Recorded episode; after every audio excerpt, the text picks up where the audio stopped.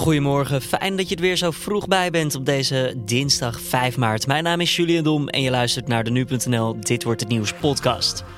Ajax speelt vandaag de return tegen Real Madrid in de achtste finale van de Champions League. Het eerste duel werd door de Amsterdammers met 1-2 verloren. Een grote vraag is dan natuurlijk of de Ajax de kans maken tegen de Madrilenen. Het kan. Het is in het verleden wel eens gebeurd. Uh, Ajax is uh, absoluut niet kansloos. Uh, alleen het wordt wel een hele moeilijke missie. Straks blikken we verder vooruit op de wedstrijd Real Madrid-Ajax met nu sportredacteur Riepke Bakker. Maar eerst even kort het belangrijkste nieuws van nu. Twan Huis heeft afscheid genomen van het programma RTL Late Night. De laatste uitzending werd gisteravond uitgezonden. We hebben er alles aan gedaan van dit programma een succes te maken. Met heel veel energie en toewijding is er gezocht naar een, naar een formule, naar mooie gasten. En het was een onwaarschijnlijk groot avontuur. En natuurlijk, ieder avontuur dat gaat gepaard met risico's. Want wie een hoge berg wil beklimmen, die weet nooit helemaal zeker of hij de top gaat halen. Dat hebben we geprobeerd, maar we moesten onderweg de poging staken. En natuurlijk is dat ontzettend jammer. Uh, het was voor mij zelf stormachtig, een wilde achtbaan, zoals ik hem zelden heb meegemaakt. Heel heftig. Maar ik heb geen moment spijt van dit avontuur. En dus wil ik de redactie, productie, technische staf, iedereen bedanken voor de tijd die we samen hebben besteed aan dit programma hier in de Hal in Amsterdam. En natuurlijk alle gasten, ook hier vanavond weer aan tafel, die we hebben uitgenodigd. De kijkers thuis. Ontzettend bedankt. Hier eindigt Late Night vanavond. Gasten in het programma waren onder andere Ilse Warringa en Rob Verheijen van de Nederlandse serie De Luizenmoeder. Eerder op maandag maakte RTL bekend te stoppen met het programma RTL Late Night, dat al sinds het begin kampt met tegenvallende kijkcijfers. De afgelopen weken keken gemiddeld zo'n 200.000 mensen naar de uitzendingen. En nu het programma is gestopt, is ook de samenwerking tussen Huis en RTL ten einde. Hij zou daardoor per direct bij een andere zender aan de slag kunnen. Meer lezen over dit onderwerp, lees dan ook ons artikel over de vijf maanden die vooraf gingen aan het besluit om te stoppen met Late Night. De link is te vinden in de beschrijving van deze podcast. In Groot-Brittannië is een man genezen verklaard van het HIV-virus dat AIDS veroorzaakt. Dat gebeurde na een succesvolle stamceltransplantatie. Het is het tweede geval ooit waarin de ingreep leidde tot volledige genezing. De man onderging de operatie drie jaar geleden. Een kleine anderhalf jaar later kon de patiënt al stoppen met AIDS-remmers. Sindsdien is bij hem geen terugkeer van het virus vastgesteld, waardoor hij nu functioneel genezen is verklaard. De behandelend artsen spreken van een hoopvolle ontwikkeling in de strijd tegen HIV, maar benadrukken dat dit niet betekent dat er een algemeen toepasbaar geneesmiddel is gevonden. Volgens de Syrische Democratische Strijdkrachten, de SDF, zijn er nog circa duizend IS-militanten en burgers in het dorp Baghouz tegen de grens met Irak. De strijd om het dorp begon vrijdag na een grote evacuatie. Sindsdien hebben bijna 200 strijders van de terroristische beweging zich overgegeven. Ze behoren tot de 3000 mensen die sinds die dag Baghouz hebben verlaten. De SDF maakte eerder op maandag bekend de aanval te vertragen, omdat in het gebied meer burgers zijn dan aanvankelijk gedacht. Er werd namelijk vanuit gegaan dat vrijwel iedereen al was geëvacueerd.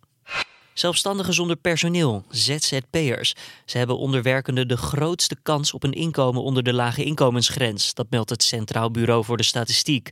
ZZP'ers lopen een groter risico dan werknemers en zelfstandigen met personeel.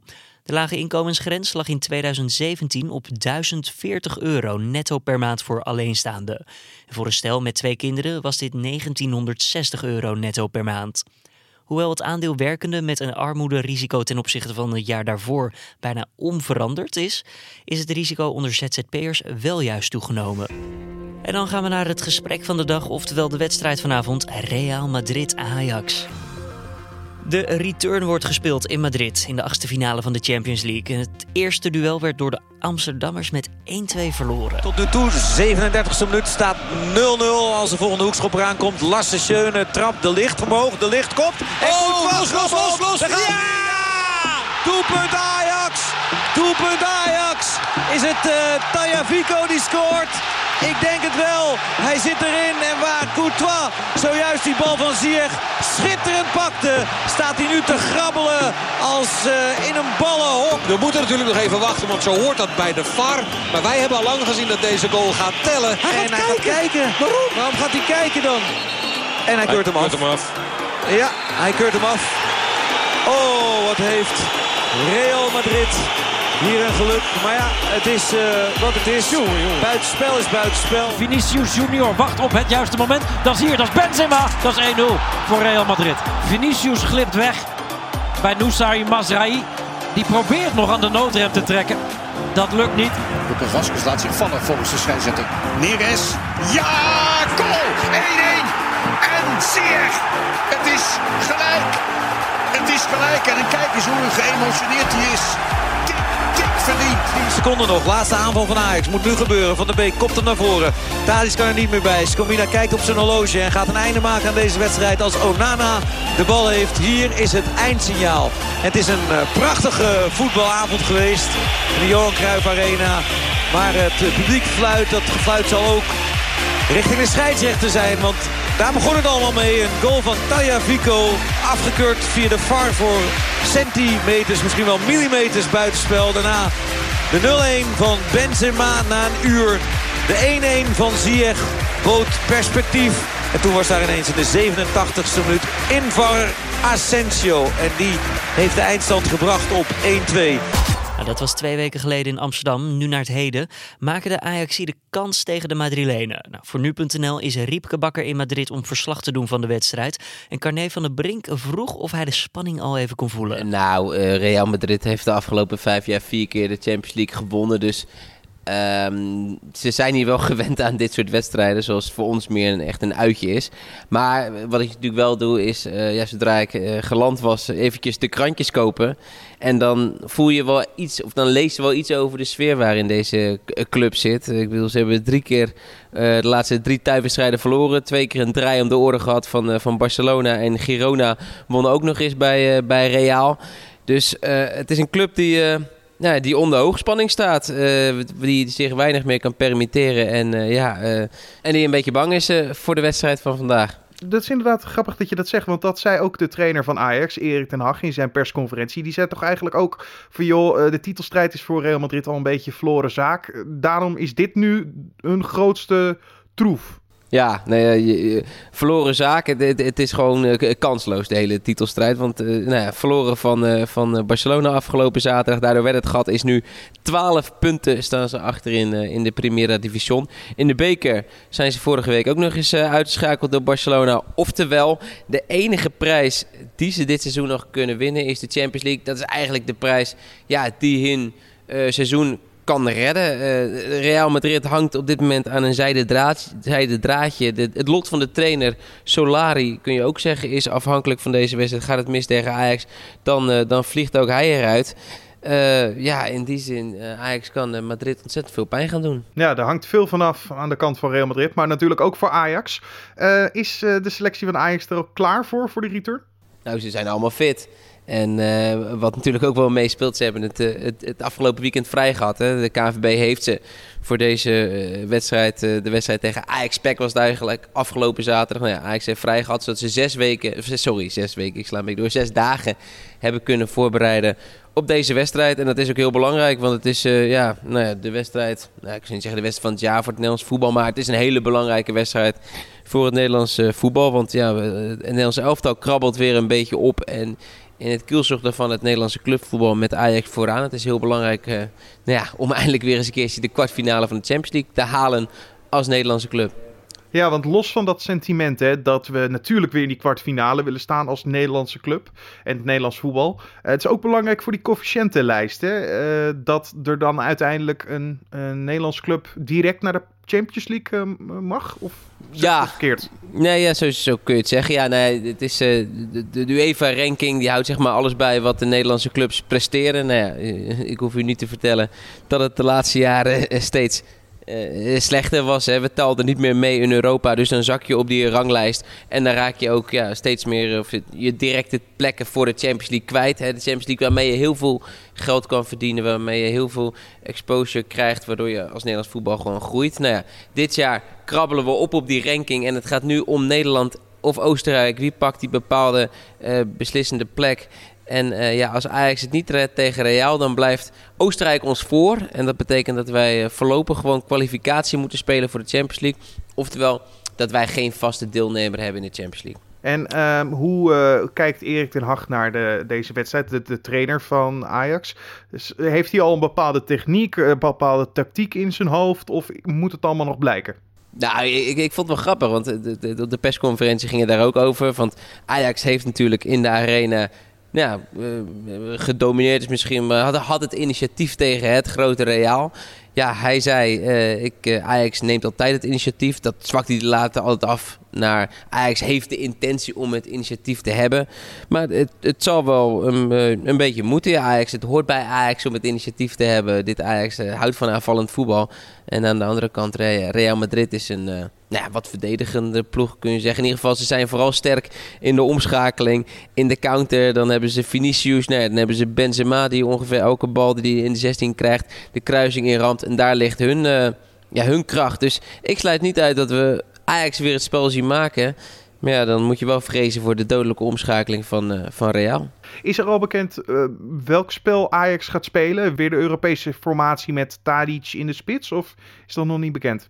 Nou, het is officieel nog niet bekend. Tenminste, Ten Hag die, die heeft het niet gezegd. Maar je, je kunt er wel van uitgaan dat Tadic morgen in de spits staat. Uh, dat is de, de variant waarmee ze Barcelona, of, uh, sorry, Bayern München keurig op 1-1 hielden. Waarbij ze uh, ook in de uitwedstrijden Europees heel veel succes hebben dit seizoen gehad hebben dit seizoen. En dan staat Neres namelijk op de vleugel. Nee, dat is een belangrijke kracht, de Braziliaan. Dan is het en Tadic in de spits. En dat gaat dan ten koste van van Dolberg en, en ook Klaas-Jan Huntelaar zien we dan niet in de basis. Ja, de man met een verleden bij Real Madrid, dat is misschien wel een beetje jammer. Nou ja, kan hij mooi van een afstandje meekijken en misschien nog handjes schudden. Je weet het nooit. En invallen. Uh, en invallen. Het kan altijd gebeuren. Ja. Je weet het nooit. Misschien heb je nog een, uh, een pinch hitter nodig. Je weet het nooit. En, en natuurlijk, als je dan kijkt naar het team, de selectie van uh, Real Madrid. Daar missen ze een belangrijke speler. Sergio ja. Ramos. Die heeft de vorige wedstrijd een gele kaart gekregen. Waardoor deze wedstrijd niet bij is. Is dat een groot voordeel voor Ajax? Ja, dat is een heel groot voordeel. Uh, Ten Hag zwakte dat wel iets af. Zij is een belangrijke kracht, maar uh, ik kan je zeggen, het is uh, eigenlijk verschrikkelijk nieuws voor Real Madrid dat Sergio Ramos er niet bij is. Um, waarom? Nou ja, dat heb je in de thuiswedstrijd kunnen zien. Zet de video nog maar eens een keertje op. Sergio Ramos was de absolute uitblinker in, in, de, in de arena. En je kan ook gewoon de cijfers erbij pakken. Real Madrid heeft zeven keer een wedstrijd gespeeld in de knock-out fase van de Champions League zonder Sergio Ramos. En van die zeven keer werd er liefst vier keer verloren, één keertje gelijk en twee keer maar gewonnen. Nou, dat zijn Real Madrid onwaardige cijfers. Uh, je kunt ook zeggen, ja, uh, dit... Uh, ja, Real presteert gewoon aanzienlijk veel minder zonder ja. Sergio Ramos. Dus, dus het is heel vervelend voor hun dat hij niet bij is en heel prettig voor Ajax. Even voor de niet uh, echte diehard voetbalfans. Sergio Ramos is de centrale verdediger ja. van Real Madrid. Oftewel de stofzuiger die ze missen. Nou ja, de, de man die alles wegramt. De aanvoerder. En ja, ook nog eens een wapen bij corners uh, aanvallend. Kopt hij ook nog wel eens een balletje erin. Ja, het is, het is, ja, ik, ja, het is de beste verdediger van de wereld. Het is, dan zeg ik er niks gek. Het is gewoon de beste verdediger van de wereld. En als je kijkt naar de statistieken van de, de ontmoetingen tussen Ajax en Real Madrid. In wiens voordeel zijn die? Nee, die zijn in, die zijn in, uh, in het voordeel van Real Madrid. Kijk, Ajax heeft hier drie keer gespeeld uh, begin dit decennium in, uh, in 2010, 2011, 2012. En drie keer gingen ze er heel hard af. Dan moet je wel zeggen, dat was een heel ander Real Madrid. was het Real Madrid nog van, van Ronaldo. En het was ook wel een iets zwakker Ajax. Maar als je heel goed zoekt in de, in de, in de, in de archieven, dan uh, kom je op 1995 uit. En toen werd het hier 0-2 in Bernabeu door Liedmanen en door Kluivert. Ajax heeft er ook wel eens in de jaren 70, de jaren van Cruijff, met uh, 0-1 gewonnen. Um, dus ja, het kan. Het is in het verleden wel eens gebeurd. Uh, Ajax is absoluut niet kansloos. Uh, alleen het wordt wel een hele moeilijke missie. En we moeten natuurlijk gaan kijken vanavond om 9 uur of het Nederlands voetbal gaat zegenvieren in Madrid. Maar om nog even af te sluiten, ik vind het altijd mooi. Even sfeerverslag vanuit jouw kant. Hoe ga je deze wedstrijd beleven? Heb je bijvoorbeeld goede plaatsen? Nou ja, we zitten op de pestribune. Uh, ik ben hier ooit een keer als student geweest en toen, uh, toen zat ik vijfde ring achter het doel. Uh, nu zit ik keurig op de, op de lange zijde, bij de, bij de, bij de middellijn. Dus ik heb prachtig uh, beeld over de wedstrijd. En uh, nou ja, dan tik ik een verslag, uh, opstelling. En afloop spreek ik met spelers. Mijn collega Mark Leen is hier trouwens ook. Die, die is met zijn camera. Dus reacties ook na afloop op beeld ziet u van de Ajaxide. En ja, het, is prachtig om mee te maken. Uh, Bernabeu is een schitterend stadion. En daar moeten we trouwens ook wel een beetje van genieten. Want daar geniet ik van. Hè? Want we staan weer eens in de achtste finale van de Champions League als Nederlandse club. Maar geniet u ook morgen even thuis voor de buis. Want het komt helaas niet zo heel vaak meer voor dat een Nederlandse club nog op dit podium actief is. Dus uh, geniet. Dat was onze nu-sportredacteur Riepke Bakker in gesprek met collega Carné van der Brink. De wedstrijd Real Madrid tegen Ajax is vanavond om 9 uur te zien op Veronica. Verder dan vandaag een Nederlandse delegatie onder leiding van minister voor Buitenlandse Handel en Ontwikkelingssamenwerking, Sigrid Kaag, vertrekt naar Duitsland voor een handelsmissie. De missie verloopt parallel aan het werkbezoek van koning Willem-Alexander en koningin Maxima aan Bremen en Bremershaven. Er is bij het bezoek vooral aandacht voor bedrijven die werkzaam zijn op het gebied van ruimtevaart of wind op zee. En de rechtbank in Den Haag doet uitspraak in de zaak van de moord op een 85-jarige vrouw in Loosduinen. Tegen een Haag stel zijn celstraffen van 16 jaar geëist wegens de uiterst gewelddadige en dodelijke roofoverval op de hoogbejaarde vrouw in 2017. De verdachten zijn een 44-jarige man en een 35-jarige vrouw. En dan nog even het weer voor deze dinsdag. Begin niet al te best.